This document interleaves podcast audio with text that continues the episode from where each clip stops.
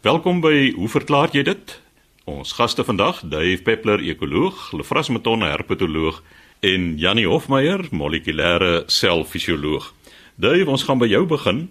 'n Luisteraar wil weet waar kom die Toby se naam vandaan? En dan is daar ook 'n vraag oor bye wat meeldou versamel. Chris, eh, dit is 'n herbesoek eintlik aan 'n vraag van Dan van die Weskus. En hy skryf, hy het nou net weer na die program geluister. Dis net jammer dat dit eenmal 'n week voorkom. Ek het laas navraag gedoen oor die oorsprong van die Tobiese naam vir ons beplande opvoedkundige boek oor diere, plante, voëls en visse hier by Bokbaai. As jou volkundige nie die inligting kon vind nie, dis nou ek, kan hy dalk vasstel wanneer die naam die eerste keer voorgekom het asseblief. Ons het gevind dat sekere plante daar verskillende name onder verskillende gemeenskappe soos boere, plantkundiges en inkommers. Is dit nie 'n tipiese Weskuswoord nie, die inkommers? En dan verander die plantkundiges van tyd tot tyd die latynse name. Ek vermoed dat dit ook met visse en plante kan gebeur. Nou, dankie Dan, ek het verlede keer gesê ek weet nie En toe in desperaatheid, wat doen 'n mens as jy nie weet nie? Jy wend jou na die Woordeboek van die Afrikaanse taal, die WAT. 'n Lewende woordeboek hier op kampus, een van my gunsteling plekke om tyd te verwyl om na woorde te gaan soek. Nou, ek het ver oggend met Dr Willem Botha hieroor gesels en die vraag 'n bietjie teruggesang sê wat maak 'n woord versamelbaar? Hoe word dit opgeneem en wat is die proses om 'n woord op te neem? Nou ja, In die jare 50 en 60 in die hoogtyd van die WAT het mense geskryf letterlik briewe en poskaarte en gesê ek het 'n nuwe naam die hiekie hier opgetel by Garris. Dan is daar 'n kaartjie gemaak. Beide Jannie en Lefras onthou die ou biblioteek die ou Carnegie met die kaartjiesisteem liewe heiland jy het ure en ure en ure geblaai deur pons kaartjie met so 'n pen onderdeel. Jy kon dit nie uitlig nie. En so is die woorde dan versamel daar is skrywers gerig aan predikante en onderwysers en boere in die platteland en gesê stuur vir ons woorde. Ongelukkig het dit opgedroog dat mense is nie meer so behep met die taal nie wat 'n skandaal is natuurlik om 'n taal lewendig te hou nie. So, hulle moet dan die pers dophou en wetenskaplike bronne. Nou jy kan jou voorstel daar is seker 'n stuk of vier leksikograwe wat die hele oseaan van woorde moet bereik en dit is bitter moeilik vir hulle. Hulle loods ook dan deesdae soektogte op digitale media om so dan lemmalyste op te stel van woorde wat hulle nog nie van tevore teengekom het nie. Dit ek weet nou nie of dit heeltemal relevant is nie, maar ons kry ook nou in wetenskap dat wetenskaplikes probeer nou name gee soos 'n genusnaam is nou die blaartoon geitjies. Nou is dit die spesifieke spesies die skewe kop blaartoon geitjie. En so gaan dit aan en al daardie pragtige volksname word nou eintlik gaan verlore. Dit is juis my betoog oor die rykdom van Afrikaans wat besig is om te verwater omdat ons nie meer die drif het om woorde aan te gee nie en die woorde te gebruik nie want ons gebruik slengwoorde en anglisismes en so aan. Maar nou sodra 'n woord 5 keer in die media verskyn, word dit aanvaar dat dit nou in volksgebruik is. En dan dat dit ook dan in volksmond is.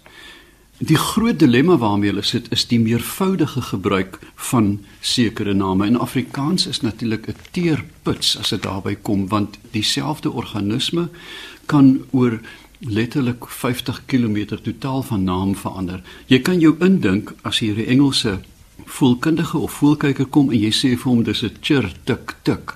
Nou my liewe hemel, as jy vir hom gesê dis 'n babbler dat hy dit verstaan van hier tot in St Petersburg, maar jy weet ons volksname is besonder ryk en besonder verwarrend. En dan hoe gee mens dan erkenning aan die woord? Moet jy nou maar sê ja, dit is nou 'n nuwe woord in teenstelling met byvoorbeeld die Akademie Française in Frankryk wat woorde skep. Hulle sit eenmal die maand en sê dis 'n nuwe woord vir le weekend byvoorbeeld. Mag die WAT nie woorde skep nie. Hulle moet net met die bestaande woorde wat ronddryf om hulle werk. Hulle mag dit slegs verifieer. En dan om jou vraag te beantwoord, ek het nog nie 'n antwoord nie want selfs in die diep annale van die WAT is daar nie 'n verwysing na Toby as volksnaam nie. Ek beloof om dit verder te ondersoek en dan terugvoer te gee. Die tweede vraag lui so van Isabel van der Walt van Kleinmond. Sy sê hierdie droë somer was die bye maar skaars in haar tuin. Nou is daar skielik baie bye op die pampoenplante, vreemd genoeg, maar nie op die blomme nie wel op die blare. Groot was my verbasing toe ek oplet dat hulle die wit meeldou van die blare afskraap en ons styfmeelsakkies volprop daarmee. Is dit bekend? En wat is die verklaring daarvoor? Nou ek is hier op dunne ys en ek sou eintlik dink dat hierdie vraag moet gerig wees aan professor Henk Geertsma, maar ek hoop om sy vakgebied gestand te doen. Mens moet nou eers vra wat op aarde is meeldou? Ons weet almal dis nou 'n hoë herfs, vroeg winter in Stellenbosch en weer die dag as jy jou motor onder 'n eikeboom parkeer, die ding is so taai dat jy aan jou deur se handvat so vassit. Meeldou is 'n suikerryke klewerige vloeistof wat afgeskei word deur plantluise en uh, skaalinsekte. Hulle monddele penetreer die vloeium, met ander woorde die laag in die boom, in die kambium wat plantsappe versprei en dan is die druk so hoog dat dit letterlik deur die spysverteringskanaal die soetsap deur die anus uitdruk. Nou ons het al by vorige programme gepraat juis oor die krag, hidroliese krag wat binne in plante voorkom. Die uh, verwantskappe tussen diere wat dan hierdie vloeistowwe benut, staan bekend as trofobiose waar byvoorbeeld mure aangepas is om van hierdie plantluise op te pas, aktief op te pas. Daar is selfs mure wat 'n klein kamertjie bou en die luise saans indra en dan die volgende oggend as die sap weer aan die gang is, dan word die luise weer op hulle suigplekkies geplaas. Wat wel interessant is, die plantluise is juis aktief hierdie tyd van die jaar omdat die voedingsstowwe in die blare gemobiliseer word om gestoot te word in die stam en besonder ryk is aan voedingsstowwe. Die res van die jaar is daar wel plantluise, maar nou vier hulle hoogtyd. Met ander woorde, ons praat hier van mutualisme van 'n sekere organisme wat 'n ander een byna tuin maak daarmee om so 'n beloning te kry. Die plantluis word uiteraard dan weer beskerm teen predators soos die liewenheerbesie sekere mure wat nie vaste huise het nie soos uh, van die tropiese spesies dra eenvoudig hulle luise saam as hulle verhuis. Hulle jy weet sê ons gaan nou, nou die hierdie plek kaal gevreet en dan vat hulle 'n kerngroepie van luise saam en plant hulle dan in hulle nuwe woongebied. Daar is ook bekend dat sekere van die vleiende muurspesies dat die koningin as sy nou op haar bruidsvlug gaan, dat sy letterlik 'n plantluis saamneem ingeval sy dit gelukkig tref geïmpregneer word en sy begin 'n nuwe kolonie dan het sy 'n klein plantjie so te sê van 'n voedingsbron. Voels en wespe versamel steeklose bye heuningbye en daar is 'n besondere heuning in Europa wat spesifiek uit hierdie heuningdou gemaak word en baie hoog aangeskryf word as 'n kuur vir 'n hele aantal kwale 'n interessante vraag Jannie wat jy dalk in 'n toekomstige program moet aandink is die kuurwaarde geslote in heuning. Is daar heunings wat antibioties is en so voort? Ek dink dit sal vir jou nogals en die luisteraars baie interessant wees. As jy mens kyk na Samuel Coleridge se Kubla Khan gedig, is hy wonderlike reël daar. Weave a circle round him thrice and close your eyes with holy dread for he on honey dew hath fed and drink the milk of paradise. Is dit pragtig nie? Jy weet hierdie magiese kwaliteit van hierdie heuning. Kyk 'n mens dan verder in die Bybel en dit die ou vraag wat was manna?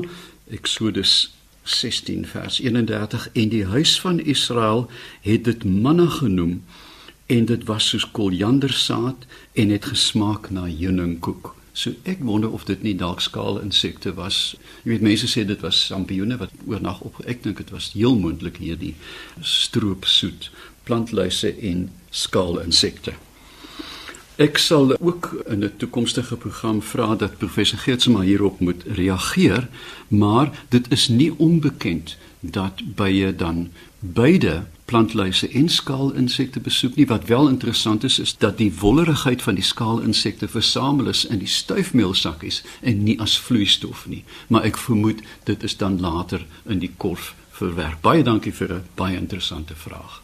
So sê Dave Peppler, ons ekoloog, Lefras Meton, herpetoloog. Lefras, 'n luisteraar is bekommerd oor die bewaring van die Kaapse reënpalla. Dis reg Chris Deleen Smit van Durbanville. Sy sê ek is desperaat om te weet of daar ooit 'n suksesvolle poging was om die Kaapse reënpadde te verskuif wanneer hulle habitat deur die bou van hoë digtheid behuising bedreig word. Ek woon al die afgelope 27 jaar saam met hulle in Durbanville. Ek hoor hulle net roep as dit reën en nog net twee keer het ek hulle te siene gekry. Ontwikkeling is skynbaar onvermydelik. Die een huis na die ander word platgestoot in my omgewing. Volgens omgewingskonsultante is hulle nie bedreig nie, maar wel skaars. Dis nou nie die huise nie, die paddas. Kan iemand raad gee oor die moontlikheid om hulle te skuif of moet ek vrede maak dat hulle geen toekoms waarborg het nie? Ja, ek dink meeste mense het al gehoor van die die reënpaddas. Ons mos komieklike ou paddatjies met hierdie groot opgeswelde lyfie kort beentjies en hulle word reënpadda genoem spesifiek soos Deleen hierso sê dat hulle vir alles het reën dan kom hulle uit en hulle eet en hulle paar en hulle doen hulle dinge. Die res van die tyd spandeer hulle ondergronds en dit is een van die probleme indien mens hulle nou sou wou verskuif. Hoe vind jy hierdie paradjies? Of wag jy maar totdat die dag reën? Ek het net vinnig gaan kyk wat is die jongste bewaringsstatus van hierdie spesies. Ons weet dat daar's internasionaal gebruik dieselfde kriteria om diere te klassifiseer in terme van bewaring of bedreigdheid en ons het nou die krities bedreigde spesies, bedreigde spesies, dan kwesbare spesies en hierdie paradjie word geklassifiseer as byna bedreig. So hy is nie werklik 'n bedreigde spesies, hy's amper daar. En redelik onlangs 2004 was hy nog as kwesbaar beskryf en dit is een van die bedreigde kategorieë. So sy sê die omgewingskonsultante sê dat hy is redelik volop en, en nie bedreig nie en hulle is korrek. Een van die redes wat hy aangegee word is dat hy is redelik volop in die gebied wat hy voorkom. So die vraag nou hier is moet 'n mens 'n paradjie nou gaan verskuif want dit is 'n baie ingewikkelde storie. Jy moet baie kennis hê as jy as 'n leek diertjies van 'n sekere gebied gaan verwyder en waantoe vat jy hulle nou na oop gebied langsaan dan versteur jy weer daardie individue daar mag dalk sekere afstand wees, populasie digtheid, jy versteur dit. Jy gaan sit dalk die paddatjies waar daar nie paddatjies voorkom nie in verkeerde habitat, dan is alles ook nou maar nutteloos. Ek dink seker die belangrikste ding en dit is gewoonlik moeilik vir mense om te verstaan dat bewaringsaksies gaan nie oor enkele individue nie. Dit gaan oor die spesies se langtermyn bewaring. En In hierdie geval is dit alreeds dorpsgebiede. Daar staan huise en ek vermoed daar in die tuine, die mense kyk na die tuine, daar is paddatjies wat daar voorkom, eh, reënpaddas. Dit is klaar 'n uh, versteurde omgewing. En sê nou maar mens kry nou 6 paddatjies en jy gaan verplaas dit. Nou. Het jy nou werklik bygedra tot die bewaring van die spesies? Ek dink op daardie skaal waarskynlik niks jy het geen bydra bygemaak nie. So ek ek dink is belangrik om nie hierso in terme van individue te dink nie. Ek meen met alle diere gebeur daar goed. Hulle sterf, nuus word weer gebore en ses minder paddatjies gaan nou geen effek hê nie. Ek is nou nie sinies nie, ek probeer net realisties te wees. Juffrou, ek is intens dankbaar dat jy hierdie houding inneem teenoor bewaring. Die geheim van die behoud van hierdie soort spesies lê in eerstens die impakstudie en dan die aanbevelings in terme van mitigasie. Wat doen ons om te seker te maak jy het nou gesê die tuin is 'n algemene struktuur buffer die diertjie, maar indien 'n mens 15% van die oppervlak van 'n ontwikkeling dan op sy sit, as 'n biodiversiteitsarea. Is dit eintlik genoeg om te verseker dat die biodiversiteit van hierdie lappie in 'n mate behoue bly as jy dit reg kies? As 'n mens kyk na eiland uh, biogeografie, die ou storie, jy kan selfs soveel as 90% van jou oppervlakte verloor en Vietnam is 'n voorbeeld en nog steeds 60% in daai orde van biodiversiteit behou. So dis 'n baie interessante kurwe en jy's reg, jy weet die die ontwikkeling met tyd buffer uitsterwing. Ek dink dit is ook belangrik om te besef dat vandag die wet vereis dat daar vir alle ontwikkelings, selfs hierdie ontwikkelings word daar impak studies gedoen waar daar kundiges verslae opstel of voorstelle en mitigasie voorstel en as hulle vir jou sê maar dit is nou die uitkoms van die ondersoek dan dink ek moet mens daarby berus en nou nie as individu nou jou eie ding gaan doen omdat jy 'n paar goedjies wil probeer red nie want soos ek sê dit gaan nie vreeslik verskil maak as jy 6 paddatjies red nie. Maar ek dink dit is tog belangrik en ek het in die 2004 rooi databoek vir amfibieërs gekyk onder die, die reënpadda, die Kaapse reënpadda en daar is die voorstel gemaak dat daar moet hervestiging plaasvind waar moontlik is. Maar nou wil ek dit net noem, hoe hervestig jy reënpaddatjies? Hoe kry jy hulle? Hoe spoor jy hulle op? Ek het self nog nooit gesoek, maar ek kan dink dat ja, jy kry een paddatjie. Hy sê ja, hy het al, jy kry een paddatjie, maar vind jy almal wat is jou sukseskoers om hulle te vind? Veral in dorpsgebiede lyk my waar daar parke is of oop stukke grond, mens sou dit daarna toe kom sit sonder om die algemene natuur te verplaas, maar ek dink dit kan nogal 'n probleem wees. My sukses met reënpaddas opspoor is 'n padda per nag. Jy soek jou dood. Dit is baie moeilik om die roep te plaas want dit is 'n baie vreemde verspreide roep sien jy met jou ore bak hou. Dis baie moeilik, bitter moeilik. Ek wil net afsluit. Deleen, jou vraag is om te weet of daar suksesvolle pogings al was. Ek is nie bewus daarvan nie, maar ek is nie 'n kenner op hierdie gebied nie. Ek wil tog net vir aanbeveel dat sy Cape Nature Daar's twee baie goeie persone, eh, padda kenners, Atherton de Villiers en Andrew Turner. Hulle kan haar van raad voorsien en dan ook by die Stellenbosch Universiteit, die sentrum vir indringe biologie is daar John Misi, ook baie betrokke by veral die bewaring van die luiperd skurwepadda wat hier in die Kaap voorkom. Sy kan ook gaan kyk na die tuisblad www www.leopardtoad.co.za daar's baie mense in die siviele omgewing wat betrokke is by bewaring van padde. Miskien is daar alreeds aksies aan die gang ook wat reënpaddas betref en eh, ja, miskien kan sy daar waardevolle inligting kry. So sê Lefras Meton, ons herpetoloog, laaste aan die woord vandag, Jannie Hofmeyer, molekulêre selfisioloog. Jannie, kan die eet van wortels 'n mens help om beter te sien in die nag? Dankie Chris. Ja, die vraag kom van Teresa Jonker van Bloemfontein. Sy sê: "Hoeveel van ons onthou nie uit ons kinderdae nie die aandrang van ons ouers dat ons ons wortels moet eet om beter te kan sien, veral in die donker?"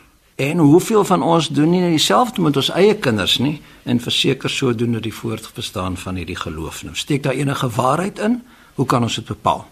Nou Teresa soos met baie van hierdie soort vrae moet mens vasstel watter chemiese verbindings vir die verskynsel verantwoordelik kan wees en wat met sulke verbindings in die liggaam gebeur. Nou as kyk na wortels, die oranje kleur van die wortels, die kom van 'n verbinding met die naam van beta-karoteen. En wortels is baie baie ryk aan hierdie verbinding, een van die rykste bronne van beta-karoteen. Na inname word beta-karoteen in die lewer omgesit na Vitamiin A Maar wat ons gewoonlik Vitamiin A noem is nie 'n enkel verbinding nie, maar eintlik 'n groep van verbindings. Drie eintlik is belangrik. Die vorm van Vitamiin A wat direk uit dierlike voedselbronne verkry word, noem ons retinol. Dis die alkoholvorm van Vitamiin A.